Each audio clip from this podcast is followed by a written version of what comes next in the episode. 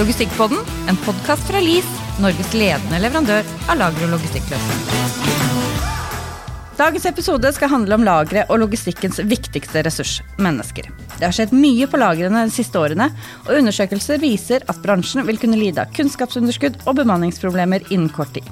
Det vil si at vi må gjøre alt vi kan for at bransjen er attraktiv, slik at flere ønsker å jobbe med logistikk, og ikke minst, hvordan skal man beholde arbeidstakerne? Og For å dukke ned i denne problemstillingen, så har vi jo fått med oss en av Europas største fullservice-leverandør av bakkehåndtering og flyrelaterte tjenester, nemlig SAS Ground Handling. Og de satser jo virkelig på læring og eh, rekruttering. Vi skal snakke med Randstad, et selskap som i alle fall skryter av å være verdens største aktør innen HR og bemanning. De har utarbeida flere spennende rapporter angående trender i bransjen, og hvordan være attraktiv for arbeidstakerne. Så først velkommen til Tonje Berg Andersen. Skal vi se om vi får tittelen din riktig. Senior Instructor Development and Trainee-koordinator i SAS Ground Handling. Var det riktig? Det stemmer. Helt riktig. Vi har vel egentlig alle kjennskap til dere, og flere ganger har jeg sittet på Gardermoen og tenkt her er det mye logistikk. Kan ikke du Tonje, fortelle litt om hva SAS Ground Handling egentlig gjør, og hvilke oppgaver dere utfører? Eh, det gjør jeg gjerne. Vi eh, er, eh, som det ble sagt, en fullskala leverandør av bakketjenester for flyselskap på flyplasser. Vi holder til i København, Stockholm og her på Gardermoen. Vi leverer alt fra det vi kaller passasjertjenester, de som dere ser når, de er, når dere er ute og flyr. Innsjekking, ombordstigning ved fly osv. Og så har vi alt med bagasjen ute ved flyene å gjøre. Vi har masse frakt. Det er jo eh, kanskje den største logistikkdelen av alt i det vi driver med. Eh, frakt eh, innebærer jo veldig mye for oss, både post og, og varer og eh, dyr og, og, det meste. Eh, og så har vi avising på vinteren. Vi leverer tjenester til rundt eh, pluss-minus 60 flyselskap bare på Gardermoen. Så det er eh, stor drift. Store greier, ja. Ja, jeg har jo til og med jobba litt i bransjen, vet du. Jeg har ja, vært i Bråten Safe, faktisk, på Fornebu. Vært med på flyttinga til Gardermoen, så dette kan jeg mye om, vet du. Så kommer, kre... kommer krevende spørsmål. Nei da. Eh, men jeg tenker, hvor mange ansatte har dere, og eh, hvor mange læringer i logistikkfaget har dere? Og hvorfor mener dere det er viktig med fagbrev?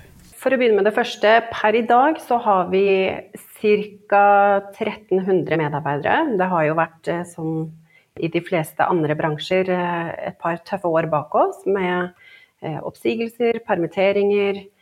Nå er vi fullskala tilbake igjen med å rekruttere på nytt. Det er det vi driver med i disse dager.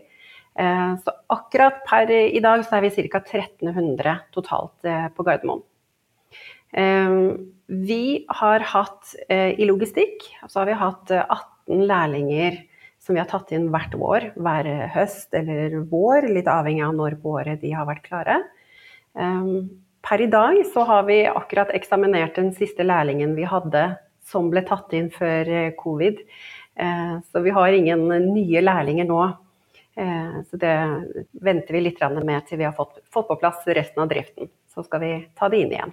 På spørsmålet ditt om hvorfor fagbrev er viktig, så ser vi det som en eh, slags kvalitetssikring, kvalitetsstempel på opplæring og kompetansen til den enkelte, være seg lærling eller annen ansatt som vi rekrutterer. Det er en, eh, som vi ser det også, liksom bransjegodkjent opplæring. Det er en del kompetansepunkter, kvalifikasjonspunkter som Eh, vi på vår måte har vært med på å sette, eh, sette målet på i fagbrevet. Eh, vår opplæring er i tråd med det fagbrevets kompetansepunkter inneholder. Så vi ser at det, det gir en kvalitativ og et kvalitetsstempel på, på kompetansen til den enkelte medarbeider. Så er det jo nokså universelt. Vi ser at eh, både bransjen innad i Norge selvfølgelig, eh, men også i Skandinavia, eh, måler kompetanse og kvalifikasjoner på stort sett de fleste av de samme punktene innenfor logistikk. Da. Men hvilke type områder er det man er innom når man tar fagbrev i logistikk f.eks. hos dere? Hos oss så har vi eh, lærlinger som er på Spirit Cargo, altså fraktbygget. Det er eh, terminalbygget vårt for frakt. Og så har vi også eh, logistikklærlinger på det vi kaller eh, bagasjehåndtering. De som man ser ute rundt flyene. Eh, de laster og losser bagasje. De laster og losser post og annen frakt. Eh, så lærlingene våre er med på alle oppgaver tilknyttet eh, ankomster og avganger på fly. De er med på planlegging av eh, lasting og lossing av fly eh, sammen med sine veiledere. Lærer de fra bunnen av regler, hva som skal til for å, å laste et fly slik at det er godkjent. Alt fra vekter og balanse osv., men selvfølgelig innholdet i frakten. Det er jo veldig mye som sendes med frakt, så Eh, det er mye kursing, det er mye veiledning. Eh, det er mye jobbtrening ute i feltet for å faktisk se og, og lære. Ja, for det, det, er jo ganske komplisert logistikk dere har? Det er komplisert. Eh, og det er Det krever mye trening. som sagt mye kursing, rent teoretisk. men det er mye praksis. Dette å være ute og både være med og uh, se og se på merking av uh, ulik type frakt. Eh, hos oss så frakter vi jo alt fra medisiner, post, det kan være motordeler. det er selvfølgelig bagasje på passasjerfly. Levende dyr? Det, levende dyr.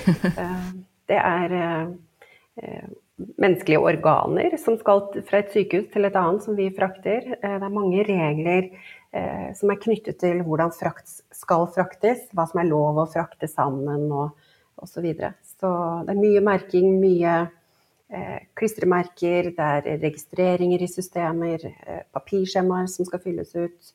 Eh, og følges opp og kontrolleres, og kontrolleres gjerne på tre eller flere sjekkpunkter. Ja, fordi der er det vel sånn at flykapteinen kan nekte å ta av hvis ikke ting er som han vil at det skal være? Absolutt. absolutt. Kapteinen har alltid siste ord eh, i forhold til eh, hva han vil ha om bord, eller om det er lastet eh, riktig, eller om noe eh, om det stilles spørsmål med hvordan noe er lastet, så, og det er en usikkerhet, så har han absolutt alltid siste ordet. Det har han. Han signerer jo på å gå igjennom lastepapirene, han også. Nå er jo dette litt systematisert, men ja. ja det er sant. det. Hvis vi tenker før korona, da. Det kanskje, var det en, hvordan eh, tenkte dere for å tiltrekke dere arbeidskraft da, eh, i konkurransen om eh, logistikknerdene? Kanskje dere har fått Jeg vet ikke om dere er like attraktive nå som dere var i 2019? Tror du noen anser dere som litt sånn usikker arbeidsplass? Det tror jeg nok. Absolutt, for noen at det kan virke som en usikker bransje. Reiselivsbransjen eh, har jo vært svært utsatt i disse pandemiårene.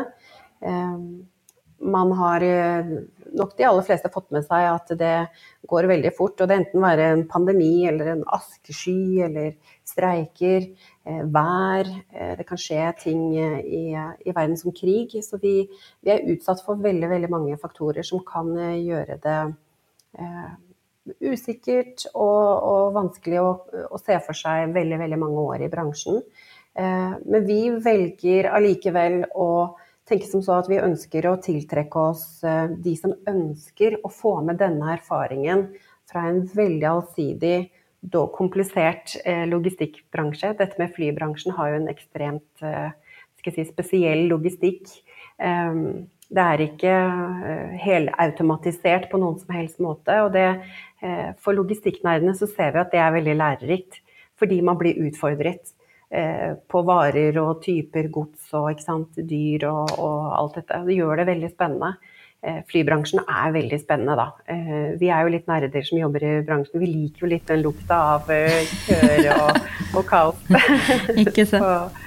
Men eh, hvis man eh, velger å ta fagbrev hos dere, da, så er det som er veldig fint, er jo dere er jo en organisasjon som har vært i mange år og har sikkert masse planer og oppfølging og sånn. Hvorfor er det trygt å være lærling i SAS, da? Ja, først og fremst er det jo egentlig det du sier. Vi har mange års erfaring. Vi begynte på eh, rundt 2010 med logistikklærlinger. Vi har hatt mange lærlinger gjennom årene. Det er en veldig systematisert opplæring og oppfølging. Vi har tett og god både dialog og oppfølging fra Viken fylkeskommune, som går igjennom det vi gjør og eh, har kontakt med både lærlinger direkte og oss som lærebedrift, for å sikre at vi, vi gjør det vi skal. Eh, vi har internkontroller av hvordan opplæringen fungerer, hvordan den ulike jobbtrener fungerer.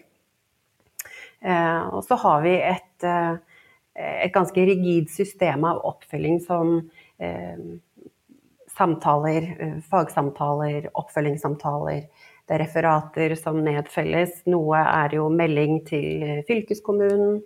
Eh, og så har vi gode sluttsamtaler, hvordan opplæringen både har opplevdes fra lærlingenes side og fra vår side. Eh, og så tar vi det med oss til neste runde når vi tar inn nye lærlinger. Hva, skal vi lære, hva har vi lært av det forrige kullet, f.eks.? Hva, hva var det som ikke fungerte hvis vi prøver noe nytt? Eh, så jeg mener at vi har eh, et veldig oppdatert og systematisk og ivaretagende system for våre lærlinger. Vi har tillitsvalgsapparat som passer på. Vi har HMS-funksjon som følger opp. Så vi vi passer på både selv, og så blir vi litt passet på utenfra også. Og det, det tenker jeg gjør det trygt. For ryktene sier jo at eh, kandidatene deres eh, går ut eh, eksamen med fagbrev i hånda med meget, meget gode resultater. Ja, vi liker jo å skryte av det. Vi har, vi har gode resultater. Vi har svært, svært lav strykprosent. Jeg har i alle mine år ikke opplevd noen som har strøket uh, uten at det har skyldtes uh, noen helt konkrete årsaker. Men uh, de består. Vi ehm, har god dialog med sensornemnd og fylkeskommune, som eh, vet hva vi og våre lærlinger driver med. Vi har fagdager med lærlingene våre hvor eh, vi går gjennom teori som skal flettes med praksisen. Så ja, vi, vi ser at de gjør det godt på fagprøven. Mm. Vi har jo mange elever og mange studenter som hører på denne podkasten her. Eh, hvordan går de frem da, hvis de har lyst til å jobbe i SAS? Hvordan får de drømmejobben i SAS? Har du noen triks og tips? Vi, eh, når det gjelder lærlinger, så eh, bruker vi tid på rekrutteringen. Vi inviterer elever til å komme i utprøving siste år på videregående. På VG2. Da kommer de inn, og så er de hos oss gjennom flere uker, og for noen, eh, litt avhengig av hvordan skolen har lagt opp, om det er én gang i uka eller et par ganger i måneden. Eh, så vi prøver ut både for lærlingenes del eh, og for bedriftens del, for å se om er dette en god match. Er flybransjen noe for deg, og er vi bedriften for deg, og er du lærlingen for oss? Vi bruker tid på å bli kjent med de unge menneskene. Det er ikke så lett å komme med en eh, lang CV med masse erfaring og kurs og alt hva man har gjort når man er eh, helt i begynnelsen av karrieren. Eh, så vi, vi bruker tid på å se på søknader og CV, om, om det ser pent og ryddig og ordentlig ut. Vi,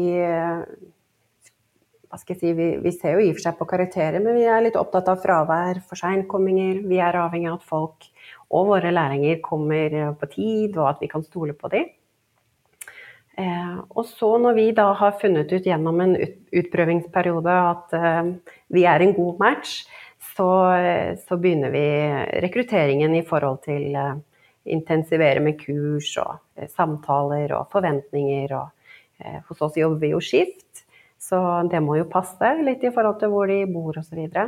Men det vi ser etter, sånn som jeg kan si, er Eh, som jeg sier, Det er ikke så lett å ha en lang CV, men har du en interesse for faget, for faget og for bransjen? Har du hørt litt om oss? Eh, hvorfor vil du søke oss også? Hva er det som gjør at dette er interessant? Det er de spørsmålene vi stiller, og, og har lyst på de som har lyst til å lære. Som er eh, interesserte og, og, tør å stille spørsmål. Hei, hvorfor, hvorfor, er det sånn? Hvorfor henger det sammen med det? Og så videre. Det er de vi eh, syns er eh, morsomme å ha med hos oss. For vi lærer de opp, og så eh, tar de imot lærdom. Eh, men eh, etter man er ferdig med læring, får, får man ofte jobb i SAS etterpå, eller?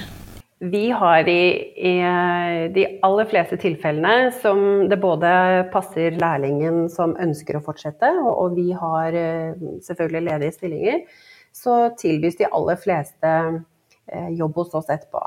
De som består fagbrevet og eh, har gjort en god jobb i læretiden sin. Igjen, det handler jo litt om fravær og innstilling og hvordan vi har vurdert lærlingen underveis og hva lærlingen selv syns. At eh, jo, dette vil jeg fortsette med. Så, så er de først i rekka til å bli eh, rekruttert etter endt læretid. Og så har jeg litt sånn inntrykk at eh, hvis man først begynner å jobbe i SAS, så blir man i SAS til man får, i hvert fall får gullklokka, liksom. Ja, nå får vi ikke den gullklokka, men ja, vi har, vi har høy hva skal jeg si, Ansiennitetsgjennomsnittet er jo høyt hos oss. Og det er litt denne igjen bransjen. Enten så lar man seg uh, friste og, og, og syns dette er kjempespennende. Uh, og liker fleksibiliteten. Uh, det at ingen dag er lik, og være seg vær eller hva det måtte være. Så ja, de blir lenge hos oss. Mm. Um, tror du bransjen og lærlingene og sånn er om fem til ti år? Tenker dere at dere kommer til å få underskudd på kompetanse, eller tenker dere at dette her dette har vi kontroll på? Eh, hvordan føler du rekruttering til logistikk generelt er? Er det så sexy? Vi er jo logistikknerder, så vi mener jo det her er dritkult. Men eh, er det det inntrykket du har òg? Jeg er eh, Jeg håper at vi klarer å friste de unge til å velge logistikk. Til å nettopp se og lukte og føle på det vi syns er gøy. At det kan være utfordrende, ja det kan det kanskje være. Men det blir jo på en måte vår jobb da, eh, å si noe om at ja, eh, vi har en del utfordringer. Det kan være noen sånne mørke skyer i horisonten noen ganger. Men eh, det er jo det som gjør det spennende. Og så er det enormt lærerikt. Og, og hvis man kan bruke dette om så for å ta med seg erfaring og kompetanse for veien videre, så er vi jo gjerne med på den veien. Vi vi ønsker jo at bransjen skal fylles med fagutdanna eh, folk eh, som gjerne tar med seg erfaring fra ulike steder. Da. Mm. Mm. Og så I denne tiden som vi har kommet nå, det er fleksibel arbeidstid og tilrettelegging og alt sånt. Det er jo kanskje en av de store utfordringene logistikkbransjen har. da, er jo at på en måte eh, Man kan jo ikke ha hjemmekontor. Eh, og på en måte, Hvordan tror du vi bransjen sammen kan møte de krava da, som kanskje flere og flere ansatte vil ha. Er det noe annet vi kan lokke med? Ja, eh, nå er nok min erfaring, eh, ganske sånn fersk erfaring fra disse siste par årene, at det er absolutt, og langt ifra alle som ønsker å sitte på hjemmekontor eller jobbe på kontor i det hele tatt. Eh, man velger eh, dette yrket eh, som vi er i Nettopp fordi at de ikke er på kontor og åtte til fire og det er veldig sånn eh, satt. Eh, de som jobber hos oss liker nettopp den fleksibiliteten med å jobbe skift. Eh, man kan flytte litt på vakter og plutselig få en fri periode, og så kan man jo hos oss eh, få lov å, å, velge å fly litt billigere til ulike steder i verden. Eh, og i dette nettverket av flyselskaper som vi samarbeider med, gjør det jo veldig attraktivt å, å reise. Eh, så så er det litt som det jeg sier, dette med at det ikke er så veldig statisk. Eh, for mange så er det nettopp det som gjør det attraktivt. Vi ser av de elevene som, som kommer til oss fra logistikk, er jo kanskje de som har eh, om ikke vært skoleleie, men vært litt sånn trøtte av det teoretiske. De er praktikere. Og jeg mener at vi har noe å tilby praktikerne. Vi har noe å tilby de som har lyst til å, å jobbe utenfor papirer og PC-er og, og, møter og, og dette. Eh, og de er det mange av, og de skal vi være der for. Og tilby, tilby både opplæring og jobbmuligheter og utviklingsmuligheter, ikke minst. Eh, sånn avslutningsvis, når du sitter på en annen flyplass eh, som ikke dere har ansvar for, sitter du der og tenker hm, det var ikke helt sånn det burde gjøre. Du gjør det? Jeg gjør det ja. hele tiden. du blir litt skada du òg? Jeg hører hva de sier, ja, ja, ja. Jeg ja. hører hva de sier, og jeg ser hvor, eh, om bagasjen kommer i riktig rekkefølge, og ser på merking og skjermer og Ja, ja, ja. Helt håpløst å dra med og fly med. Ja, det kan jeg tenke på. Tusen eh, takk, eh, Tonje, for at du tok deg tid. Takk skal du ha. Tusen takk for at jeg fikk være med. Vi må snakke mer om mennesker. Og hva er bedre enn å snakke med de som faktisk rekrutterer til bransjen? Velkommen til Logistikkpodden, Katrine Torsvik og Christian Børresen fra Randstad. Takk. Takk, takk. Først kort introduksjon for lytterne som ikke kjenner dere. Hva gjør Randstad, og hva jobber dere med i Randstad? Du, Randstad er jo verdens største HR-selskap. Vi er jo representert i 38 land worldwide. Og så har vi selvfølgelig et kontor i Norge. Flere kontorer i Norge. Og lokalisert både i nord og i sør og vest. Eh, og det som vi jobber med, er jo mennesker. Det er det vi er opptatt av. Eh, og vi har jo flere selskaper under Randstad-paraplyen. Vi har Randstad Care, som jobber med helse, sykepleiere og leger. Og så har vi vårt spesialistselskap Defund, som jobber med eh, finance, IT, engineering. Og så har vi oss som bl.a. jobber med logistikk, kontoradministrasjon og produksjon. Og markedsføring. Så det er det vi eh, jobber med.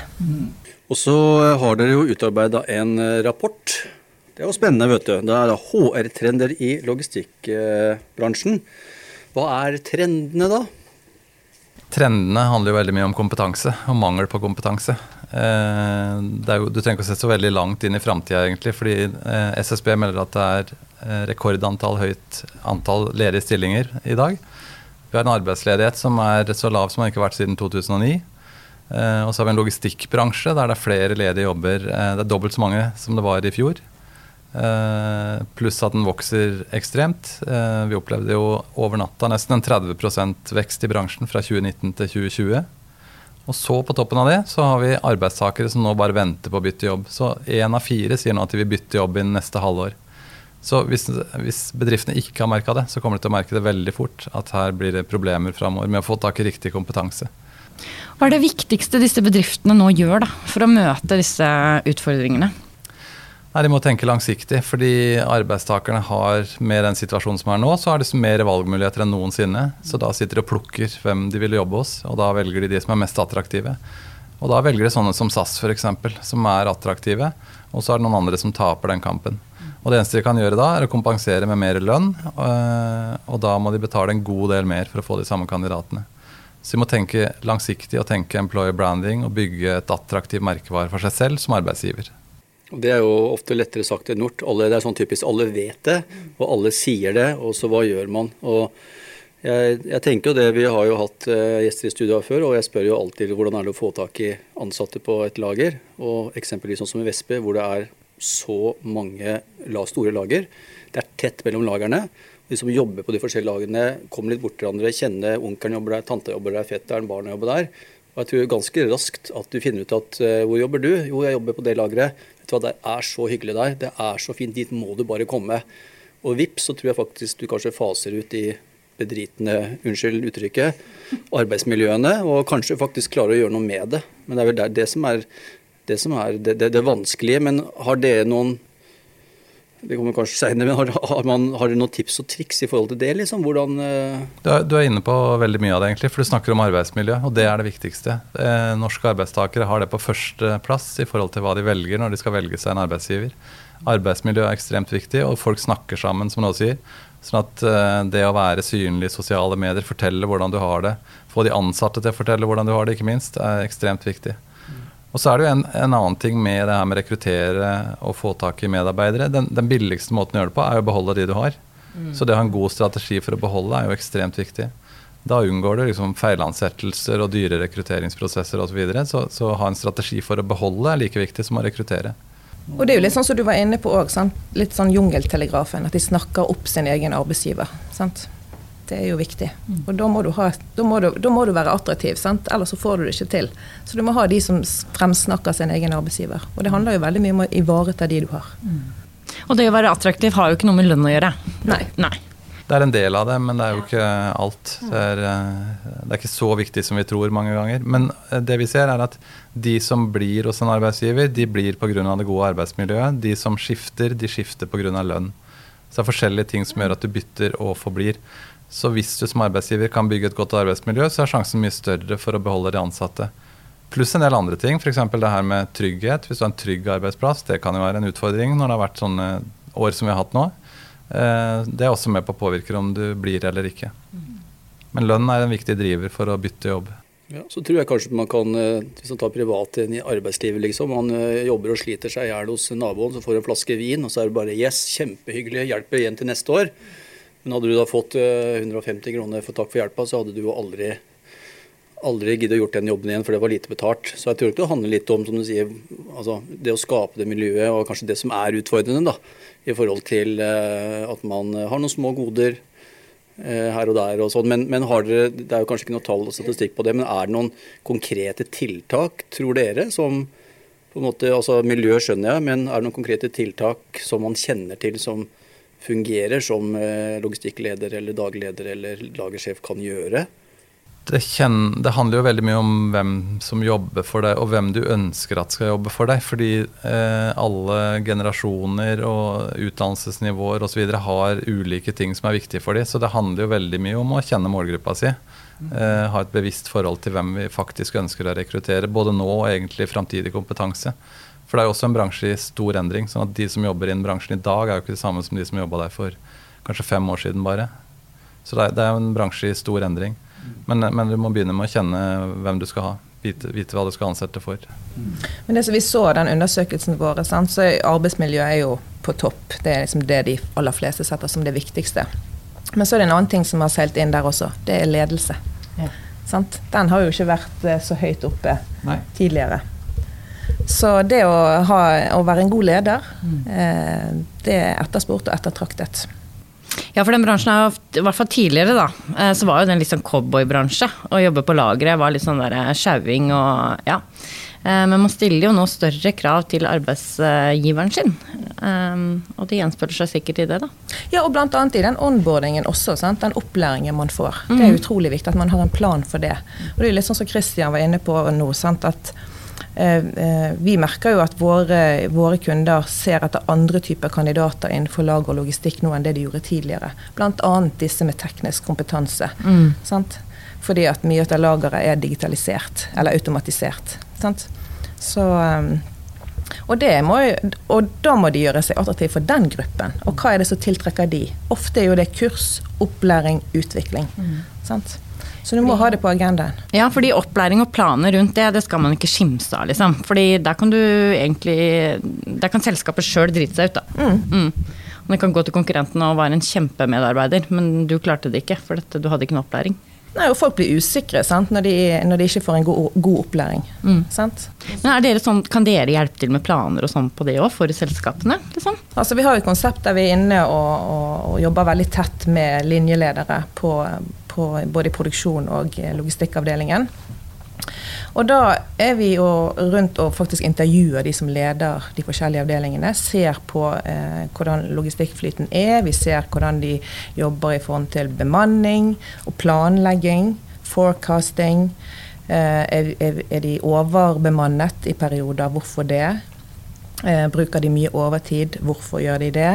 Kan de bruke en fleksibel pol istedenfor? Eh, så vi er inne og, og, og, ser på kostnadsbesparelser for kundene våre. Så det er veldig spennende og veldig attraktivt. Vi har eh, startet med det i Norge eh, i fjor. Eh, og i, globalt så er det et veldig stort konsept i Randstad. Vi ser at etterspørselen etter det eh, blir økende. Det er mange som er interessert i den biten der. Mm. Istedenfor bare å være en som finner folk. Så ser vi også på hvordan kan vi spare penger for kunden vår. Litt konsulenter, da? Ja, ja. faktisk. Mm. Ja. Men er norske bedrifter flinke, syns dere, i forhold til å drive HR-arbeid og drive på den måten som dere ønsker at man skal drive? Altså, da, altså Er de veldig flinke, så vil jo dere mindre oppdrag, men, men hva tenker dere om, om kompetansen? Vi, vi, vi syns det er veldig mange flinke. Altså, vi har, og vi er opptatt av å ha kunder som er flinke, som ivaretar de, våre ansatte som vi leier ut til de. Så det er viktig for oss at vi har samarbeidspartnere som, som tar, tar, vare på. Og de har jo selvfølgelig et opplæringsansvar for de som kommer inn. Sånn, så vi sjekker av at eh, planene er klare, at de blir tatt godt imot, at det gås gjennom HMS og arbeidsmiljø og sånne ting. Avsjekker har vi før vi inngår et samarbeid. Så vi syns de er flinke. Det er mange dyktige eh, folk der ute, altså. Mm. Hvilke egenskaper må man ha for å jobbe med logistikk? Da? Dere som rekrutterer dem, liksom. Ja. Eh, hva, er det, hva, er det, som kjennetegner de som er gode med logistikk? De som er gode med logistikk, er ofte veldig sånn kvikke mennesker. Eh, de er villige til å, ta, til å eh, ta i et tak, for dette er det. Selv om ting er blitt automatisert, så er det også eh, Må man på enkelte avdelinger i hvert fall være klar for det. Mm. Eh, og så må liksom hele tiden ha denne tankegangen i hodet med hva er effektivt, hva er neste steg. Og så må man være god på samarbeid, for det vil alltid handle om samarbeid. Men man er avhengig av hverandre for at den flyten skal eh, være god. da. Mm. Eh, og så må man være motivert. Altså, man må jo ha lyst til å, til å jobbe med dette. Mm. Eh, og så går man jo ofte inn i en skiftordning, så man må gjerne være fleksibel med tanke på arbeidstid. Jobbe seint og tidlig og være litt mobil i forhold til det. Fordi, um, hvordan kan vi rekruttere mer til denne bransjen? Da? Eh, jo, vi har jo både ledige jobber og kompetanseunderskudd. Hva tenker du, Hvordan kan vi gjøre logistikkbransjen mer sexy? Nei, Det er et stort spørsmål. Eh, for det, det, vi opplever er jo litt at kandidatene kanskje ikke tenker logistikkbransjen som det første alternativet sitt. De tenker kanskje butikk eller andre typer steder å jobbe med. Men det, det handler jo litt om at uh, mange er jo på de arenaene. De er i butikker og på andre arbeidsplasser, men det er få som egentlig er på lager og vet helt hva det handler om. Mm. Så jeg tror det handler mye om at uh, bransjen selv må være synlig og fortelle hva de, hva de, kan tilby. For det er jo mye å tilby. Det er en spennende bransje, og det er mange utviklingsmuligheter. Og for en, for en som starter karrieren sin, så er det et fint sted å starte for å lære seg veldig mye. Og, og mange blir jo der veldig lenge. Mm. Og det har i hvert fall vi erfart, at det er veldig mange som har begynt som lagermedarbeider og endt opp som logistikkdirektør. Mm. Ja. Eh, så det er egentlig en eh, god karrierevei. Eh, uten verken bachelor eller mastergrad, så er du rett person der, så stiger du fort. Mm. Men åssen tror du bransjen er om ti år, da? Eh, med automatisering og, og um, menneskelige ressurser og Vi kommer jo ikke til å automatisere bort menneskene. Nei, det er alltid plass for de som vil, og de som kan. Mm. Det vil alltid være. Og at end of the day så er jo det de menneskelige ressursene som er den viktigste ressursen for enhver bedrift. Mm. Så du må, og, og, det er jo litt derfor, eh, som Kristian er inne på, at å være en attraktiv arbeidsgiver, vil du også tiltrekke deg de beste talentene. Mm. Det handler jo litt om at hvis du skal ha de gode søkerne om ti år, så må du, du må nesten snart begynne å tenke på det. Fordi tida går fort, og det nytter ikke å snu seg rundt den dagen du ikke får søkere på stillingsannonsen din. Da liksom toget, da har toget gått for lenge siden. Da står den på perrongen. Så du må tenke langsiktig. Uh, og så handler det jo litt om den utviklingen som er i bransjen, at ting endrer seg relativt fort. Så du må, du må liksom ta det inn over deg og legge det inn i planene dine. Mm. Gode planer for onboarding, gode planer for offboarding. Du må vite hvorfor de ansatte forlater deg. Du må ha eh, prosesser for det òg. Så, mm. så, du må tenke langsiktig. Jeg tenker som markedsfører stillingen, litt sånn som du sa i sted. Det er veldig mange unge som tenker at eh, å, nå skal jeg ha meg inn en deltidsjobb eller en sommerjobb, eller nå skal jeg begynne å jobbe. Og så tenker de ja, hva kan jeg, hva er det jeg kjenner til? Jo, butikk, det vet jeg jo hva er. Og så mm. tenker de veldig fort den veien der. Og hvorfor gjør de det? Det kan jo også være det at eh, disse bedriftene er ikke flink nok til å markedsføre seg overfor denne gruppen. At man går til både ungdomsskoler og høyskoler eh, og andre utdanningssteder og, og markedsfører og forteller om hvor kult det egentlig er å jobbe i logistikkbransjen. For vi ser jo, Det er jo helt vanvittig. Det er utrolig spennende å være rundt oss og se hvordan ting fungerer på disse store logistikksentrene, som er ofte de vi rekrutterer til. da. Mm.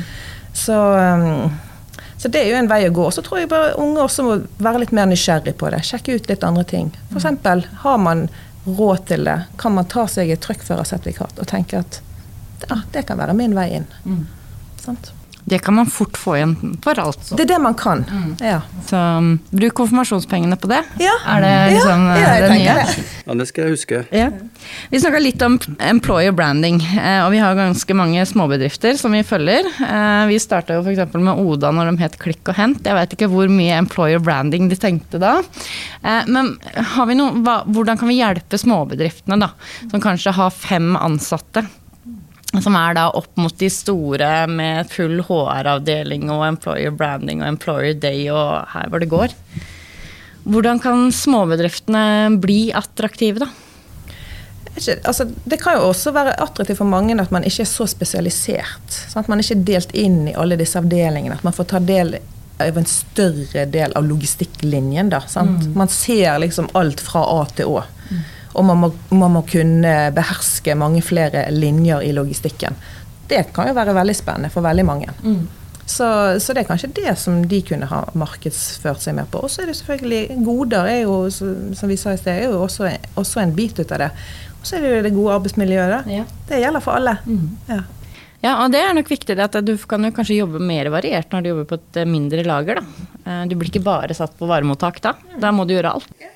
Kanskje vanskelig med hjemmekontor, da, det eneste, da, men, ja. det, det er jo, men det er jo en bransje som sagt har jo gjerne litt sånn eh, rare arbeidstider, ikke sant, som var inne på skift og jobbe natt og jobbe dag og, og sånn. Men ser dere noe endring der, eller noe formening om det? Om, om det med skiftarbeid, eller om man på noen måte eh, Altså Er det noen trender for noe mer fleksible arbeidstid liksom innen lageret? Det er ikke Nei, jeg ser ikke noe eh, foreløpig innenfor det. For det, det er jo det logistikk handler om. Det er jo en flyt. sant? Og mange ganger skal jo dette pågå altså 24 timer i døgnet.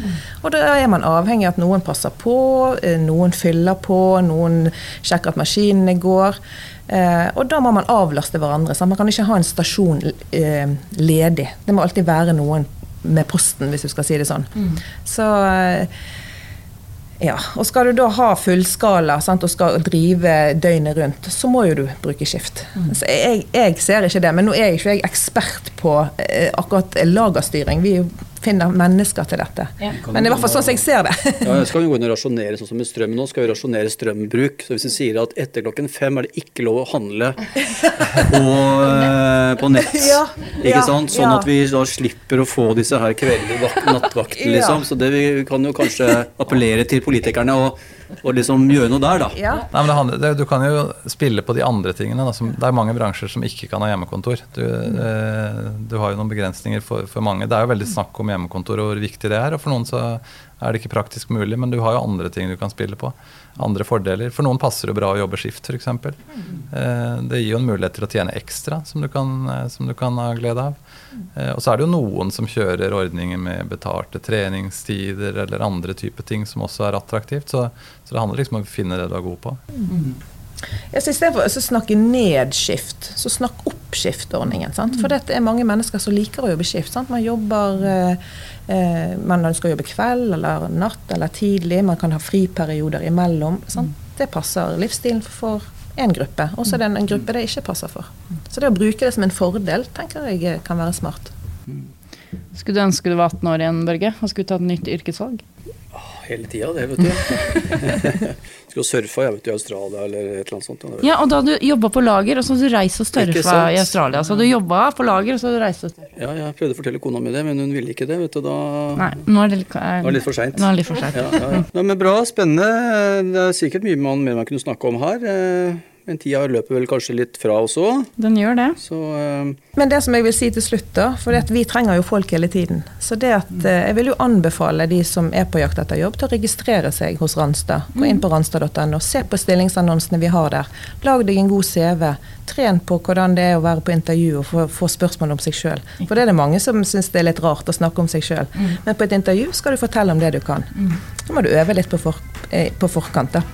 Så um, jeg håper vi, det, vi ser flere eh, på, hos oss. Selv om vi har mange i jobb, så trenger vi fortsatt mange. Mm. så kan vi vel si at logistikk er gøy og spennende, Ja. og en bransje i utvikling. Definitivt. Eh, og der er det mange spennende jobber som kommer til å dukke opp etter hvert. Det er vi vel ganske enige om, tror jeg. Du var klar for endringer for å jobbe i denne bransjen her. Absolutt.